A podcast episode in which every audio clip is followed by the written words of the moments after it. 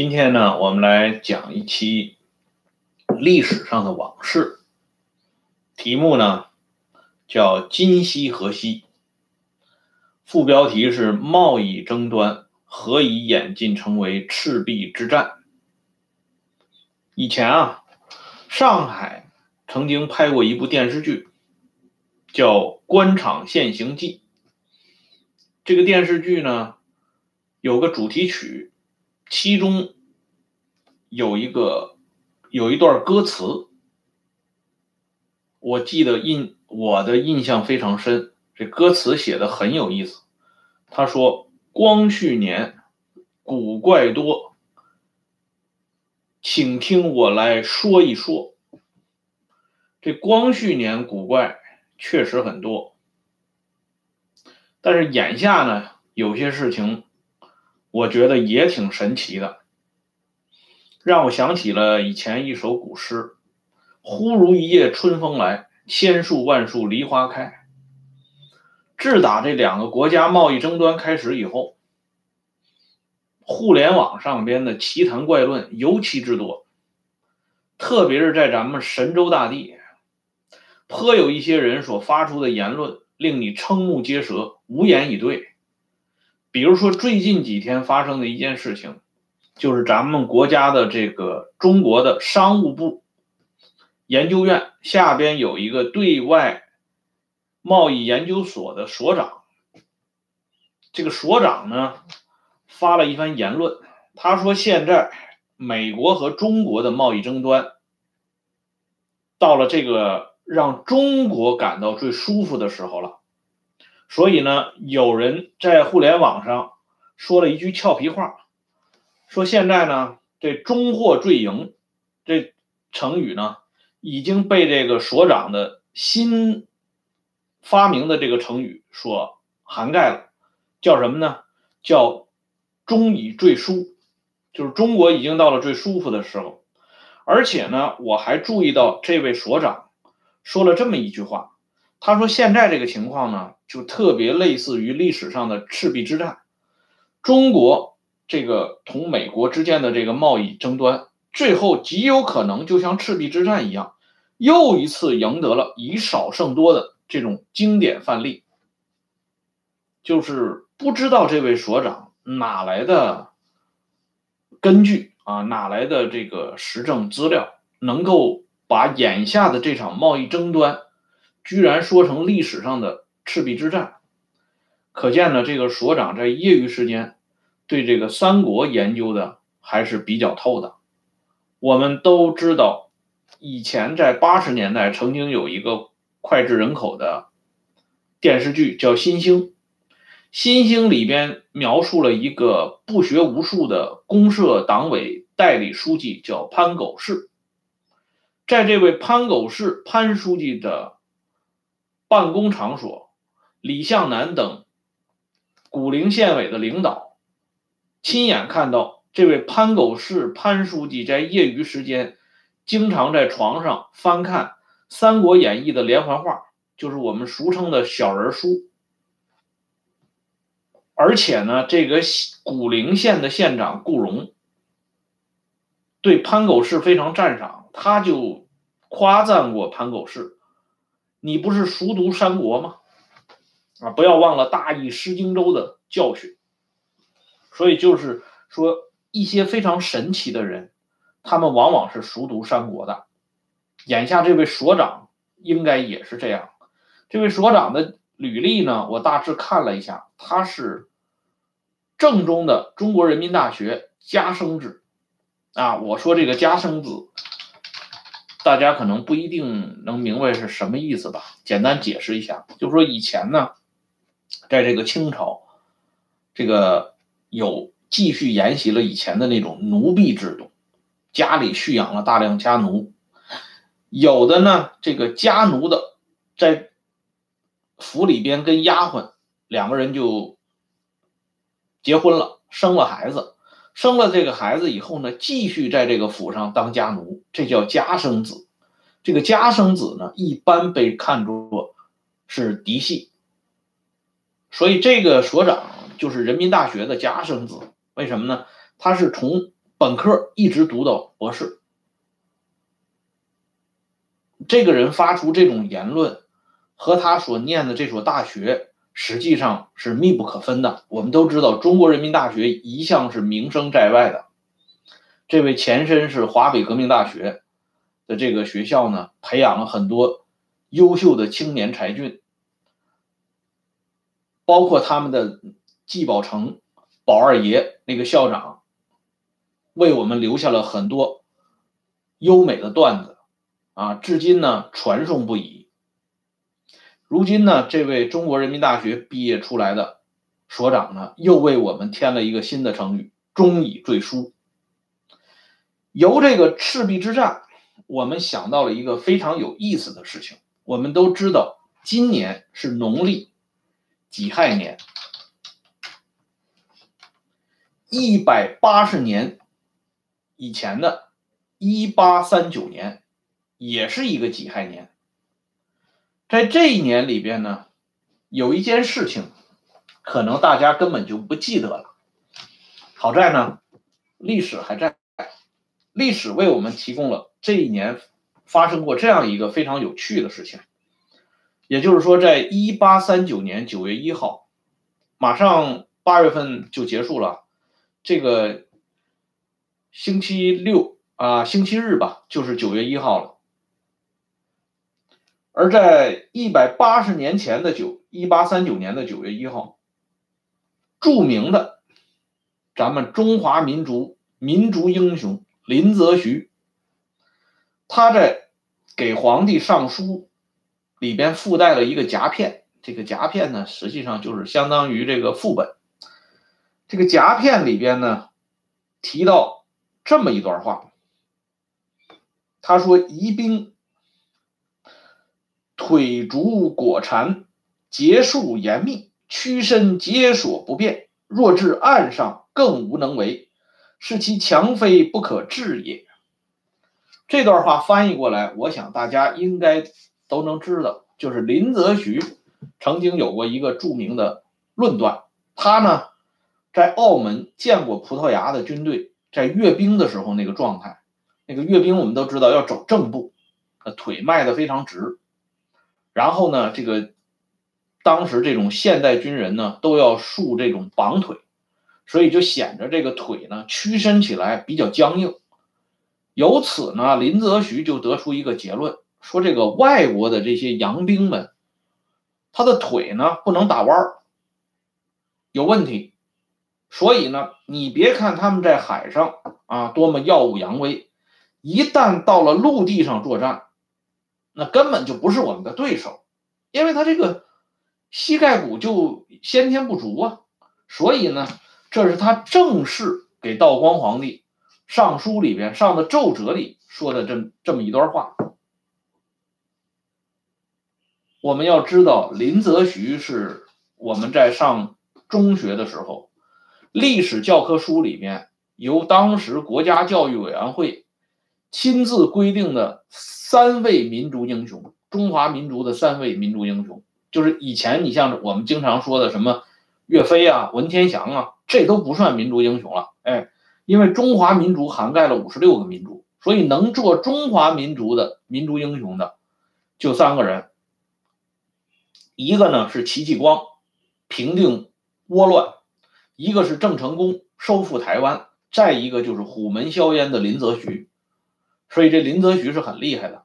后来呢，咱们敬爱的江泽民同志又为我们添加了一位民族英雄，就是毛泽东。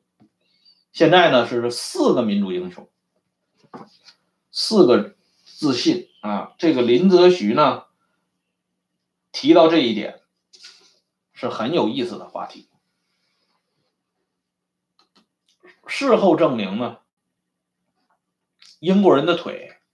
完全可以打弯，而且英国人到了陆地之后呢，清军败得更惨，连林则徐以之为海上长城、广东水师提督关天培都不得不殉难了。所以这个事情很有意思。再有一个呢，就是当时林则徐雄赳赳气昂昂，当然不是跨过鸭绿江了，他是到广东去禁烟的时候，著名的大诗人、大知识分子，当时是那个时代很有名的大思想家龚自珍。我们都知道，他有一套非常有名的诗作传世，那就是《己亥杂诗》。最有名的那位啊，那首“我劝天公重抖擞，不拘一格降人才”，啊，更是为大家啊所铭记，成为那个时代振聋发聩的一声漂亮的呐喊。就这位，在当时被认为非常少、非常少的，甚至可以说是绝无仅有的几个觉悟觉醒了的。大知识分子，他在送别林则徐的时候，写了一篇很有名的散文。在龚自珍的这篇散文当中，这个散文的名字呢，呃，有些朋友应该知道，叫《送钦差大臣侯官林公序》。咱们这位龚大诗人呢，在这篇散文里头，告诉林则徐。这个英国人并不可怕，咱们就把英国的这些商品都不能让他们进来，比如说什么尼龙啊这些东西都不能进来，只要把这些东西卡在门外，我们国家我们大清国的蚕商的收入就会增加，棉花的收入也会增加，而蚕商和棉花的收入增加了。中国，那就是继续保持这种富足的昂扬的姿态前进下去。而且呢，龚自珍还提出一个发自内心、发自肺腑的建议，告诉林则徐：你到了广东以后，凡是看见这些帮洋人说话的，还有这种探头探脑的洋人的这些。你就见一个逮一个，逮一个杀一个，明正典型，以彰国威。这就是咱们这位功大诗人，在万马齐喑时代发出的一阵阵的怒吼啊！他给林则徐的这个建议。接下来呢，还有一个同林则徐同时代的人，叫魏源，啊，此人。更是大名鼎鼎啊！我们都知道他的成名作两大本子，一个是吹嘘清朝列祖列宗如何武功昌盛的《圣武记》这本书呢，颇有一些史史料价值。比如说，在探讨二大贝勒阿敏为什么丢失了永平遵化四四四个城池，他这个原因。他就转引了乾隆皇帝的一段批示，这段话呢，就等于说间接的为阿敏当时的丢失城池部分的昭雪了。所以说，《圣武记》这本书呢，抛开那些令人感到肉麻的那些词汇以外，它的史料价值是有的。再一个呢，就是比《圣武记》还要有名的，就是《海国图志》。魏源，我们都知道，在中学教科书里面我们学过，魏源著名的口号就是“师夷长技以制夷”。这位也是相当于启蒙思想家的这位大知识分子魏源，他呢认为，鸦片战争第一次鸦片战争，我大清国之所以落败，那是因为船不坚，炮不利。军事上不行，所以咱们大清国要奋起直追，开办近代军事工业，把这个军事工业搞上去，把我们的炮造的比洋人还要好，然后呢，联合全球所有能够团结的力量，啊，真的是应了后边的那句话：团结大多数，孤立一小撮。凡是跟英国人有仇的，咱们都团结，当然了，这个国家同时不能觊觎我大清朝的啊这些白花花的银子，那不行。其实呢，他的这些说法也无外乎是战国时代的合纵抗秦和连横亲秦、苏张的那套把戏。但是呢，魏源不这么认为，魏源认为自己的这个是独得之秘啊。在认定大搞坚船利炮的同时，魏源。还提出一个非常重要的观点，他说：“我们大清朝光明的一面是主要的，庸陋的一面是次要的。我们大清朝最光明的是什么呢？就是体制。我们大清朝的体制是最了不起的。他在他的那个《圣武记》那个序里边就讲，他说我大清。”皇帝陛下威权无限，法令严明，令行禁止，一喜四海春，一怒四海秋。就说皇帝一高兴，天下都是春天了；皇帝一发脾气，秋天又来了。他说这才是王道，这才是正道。而且呢，这个魏源呢还提出来，咱们大清国。君令臣必过，父命子必宗，夫唱妇必从，这才是我们大清高于他们最重要的一点。所以，我们大清未来是什么概念呢？是四夷非中国莫统，小人非君子莫为平盟。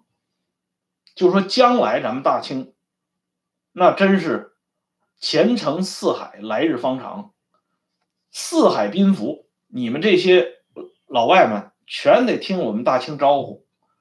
然后呢，你们这些苗姓未退、非我族类的人，都要由我们这大清国的君子，我们是君子国嘛，大清国是君子国，啊，要由我们来对你们进行全方位的覆盖。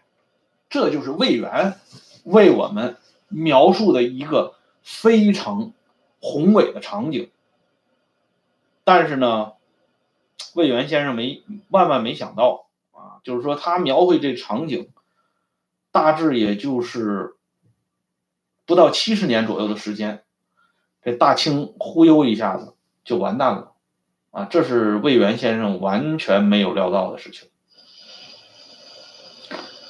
我们知道，龚自珍、魏源、林则徐，这是什么概念啊？这是我们熟知的清末经世派啊。清朝末年有一有一波人，就是说逐渐冲破了钱家道贤这四朝懵懵懂懂的这种混沌时期，逐渐呢在。政治意识和思想意识上有所觉醒，他们呢形成了一股难得一见的清流，被称为经世派。代表人物呢，就像林则徐、陶树、魏源，啊，龚自珍，甚至包括后边的曾国藩、左宗棠这些人，他们呢开启了中国近代政治的先河。留下了非常浓重的一笔，他们对中国近现代的政治有着不可替代的影响。这些人呢，可以称之为那个时代里的标杆然而，这三个标杆为我们留下什么样的重要的思想指南呢？林则徐告诉我们：洋人这腿不能打弯龚自珍告诉我们，把洋人的商品都拒绝在门外，只有我大清的啊养商养蚕丝绸之路，这才是制胜的把握所在。然后魏源呢就告诉我我们啊，我们大清完全在体制上没有问题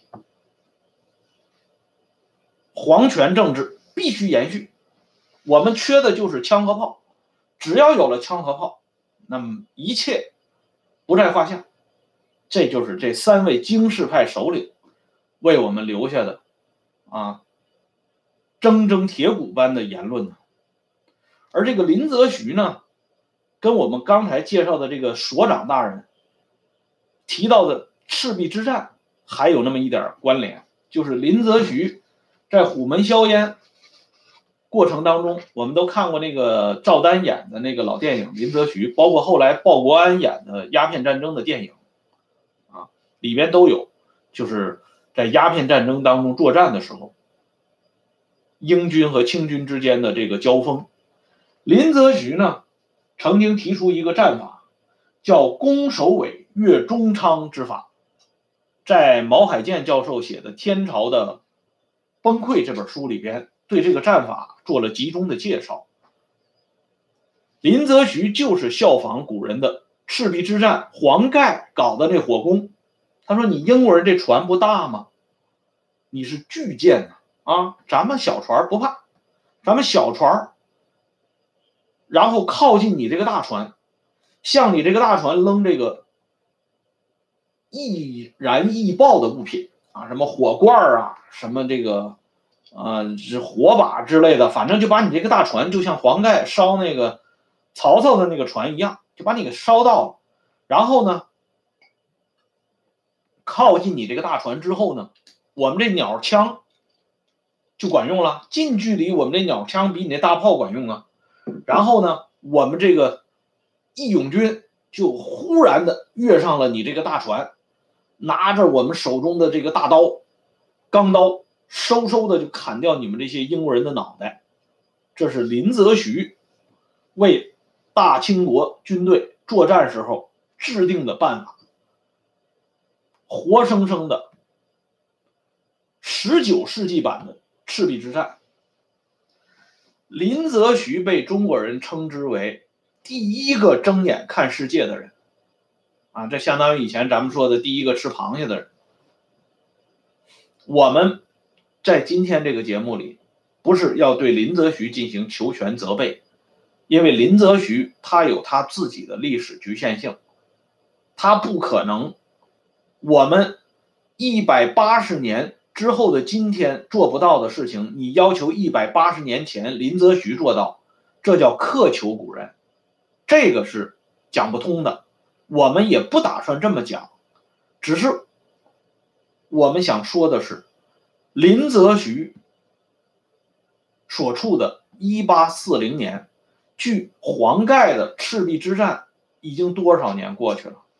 已经差不多是。一千六百多年过去了，可是他的脑子在这一千六百多年当中没有进步啊！人是环境的动物，林则徐发出这种在今天看来奇谈怪论的东西，那不是不是完全是林则徐的毛病，是因为林则徐生长在这一片灿烂的盐碱地上，他才会产生这种奇谈怪论的。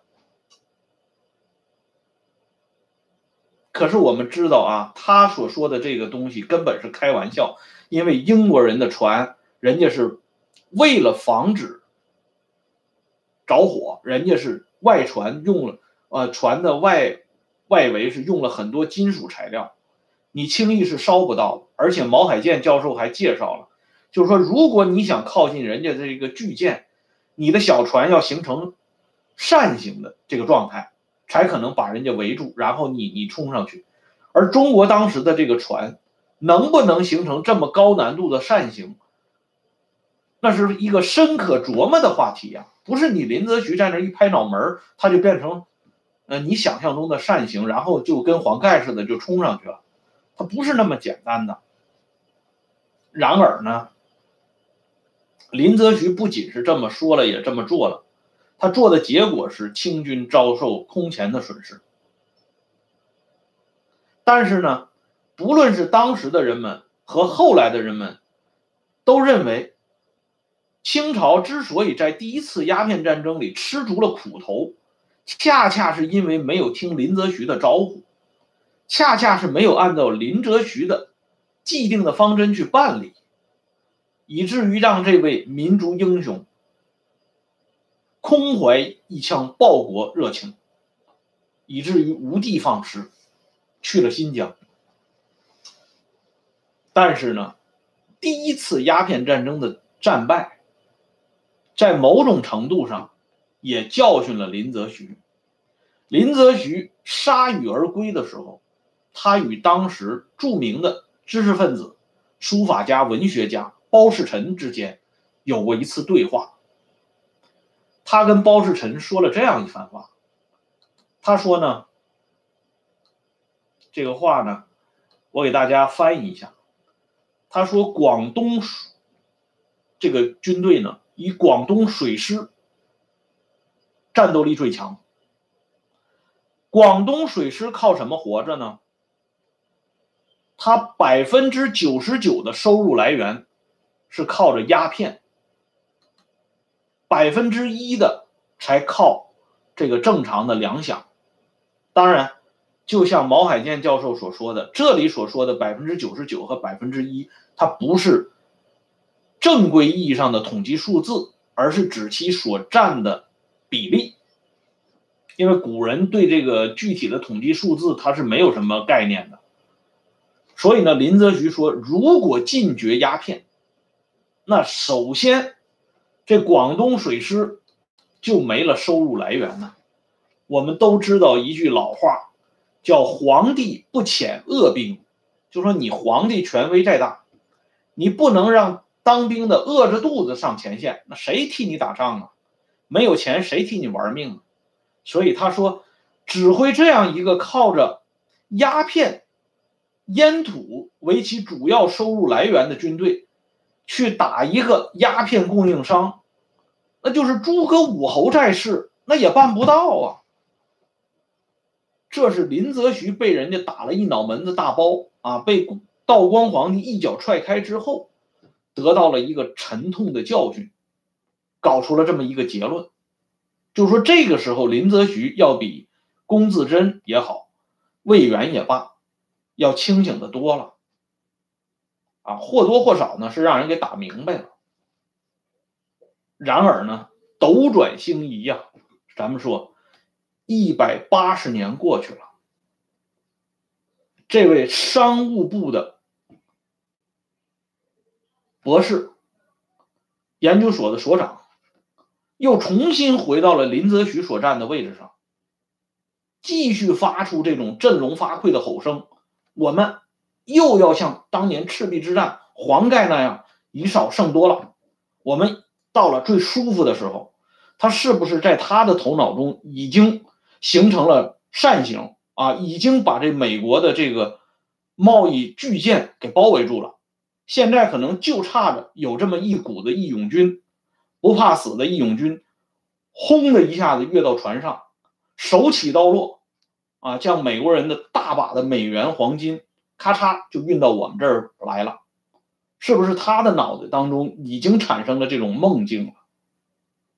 以前这个李后主有过一首词。啊，很有名的，其中有一句叫“梦里不知身是客，一想贪欢”。这里呢，我想给改一个字啊，就是说梦里不知身是猪啊，真的不知道自己是什么，今夕何夕，忘了今天是什么时候了，不是一八三九年了，而是公元二零一九年了。但是呢。就是有这么一些人，他愿意让大家回到公元一八三九年去。我刚才已经讲到了，这林则徐、魏源、龚自珍，这是当时在大清朝一时无二的顶尖级思想家或者大牌知识分子，他们的脑袋尚且如此的混沌、荒唐，所以。大清朝的国运，那是可想而知的，这个是没有任何悬念的。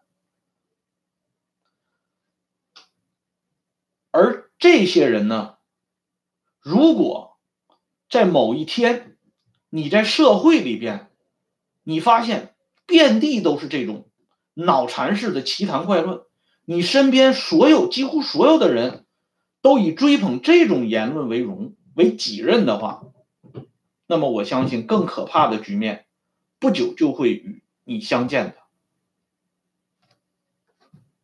我们以前经常埋怨说，大清朝闭关自守，闭关锁国，以至于呢被人家最后打得落花流水。通常呢，我们理解的这个闭关，只关闭的是国门。但是我想告诉大家的是，真正意义上的闭关，关闭的不是国门，而是脑门就是禁锢了你的思想，禁锢了你的思考。所以，关闭了脑门的这种社会，必然会形成一种互害的体制，上下互相欺蒙欺骗，大家呢觉得很高兴。生活在谎言和欺瞒当中，彼此都很高兴。你像我刚才说的魏源讲的“师夷长技以制夷”，你以为洋人的真正的长技是体现在船坚炮利上吗？退一步说，即便是体现在船坚炮利上，他的船坚炮利来自于什么呢？还不是来自于？他思想上的解放吗？精神上挣脱枷锁之后的奔放吗？如果没有独立的精神，没有自由的思想，他哪来的坚船利炮呢？这个东西不是从天上掉下来，而事后无情的史实也击碎了魏源的梦想。北洋水师号称亚洲第一，怎么样就被这个坠儿小国？日本人活活的给打了趴下了。邓世昌这些人没有经受过现代海军的训练吗？经受过呀。可是怎么样呢？在人家日本海军面前，还不是败的是一败涂地吗？这个事情已经不需要再重复了。所以，我觉得。大家首先对这个赤壁之战的言论，应该不要感到吃惊，因为这就像鲁迅所说的“古已有之”。至于接下来会发生什么事情，我们拭目以待。这里呢，我要给大家说一下，就是说为什么会形成这种像魏源呐、林则徐啊、啊龚自珍。这些自以为觉醒的这些人，啊，还能发出这种荒诞的结论，这源自于我们接下来要讲的话题——持续的低烧。就是说，大清国走到这一步，是源自于它一种持续的低烧现象。林则徐他们发出这种言论，就是一种持续的低烧现象的具体表现形式。那么，这个持续的低烧。又是怎么一个情况呢？咱们在下一次啊讲这个中国近代史这个话题的时候，我们再来具体的谈一谈。今天的直播呢，就先说到这里，感谢大家收看。咱们啊，对了，你看有个朋友还给我提了个醒啊，他说叫绰尔小国，这个咱们得查一查啊。这个趁着这个直播的节目没结束，咱们不能念错别字啊！哎，我刚才读的是坠尔小国，咱们看看这个啊，看来没有读错啊，确实叫坠儿小国啊。点出呢两个点，一个是《左传》，一个是刘禹锡写的《贺收蔡州表》，都提到这个“坠”字。啊，所以呢还好没有读错字，同时呢也感谢这位朋友提醒啊，要时刻提醒啊，咱们不能读错别字。今天呢就说到这里，谢谢大家，再聊。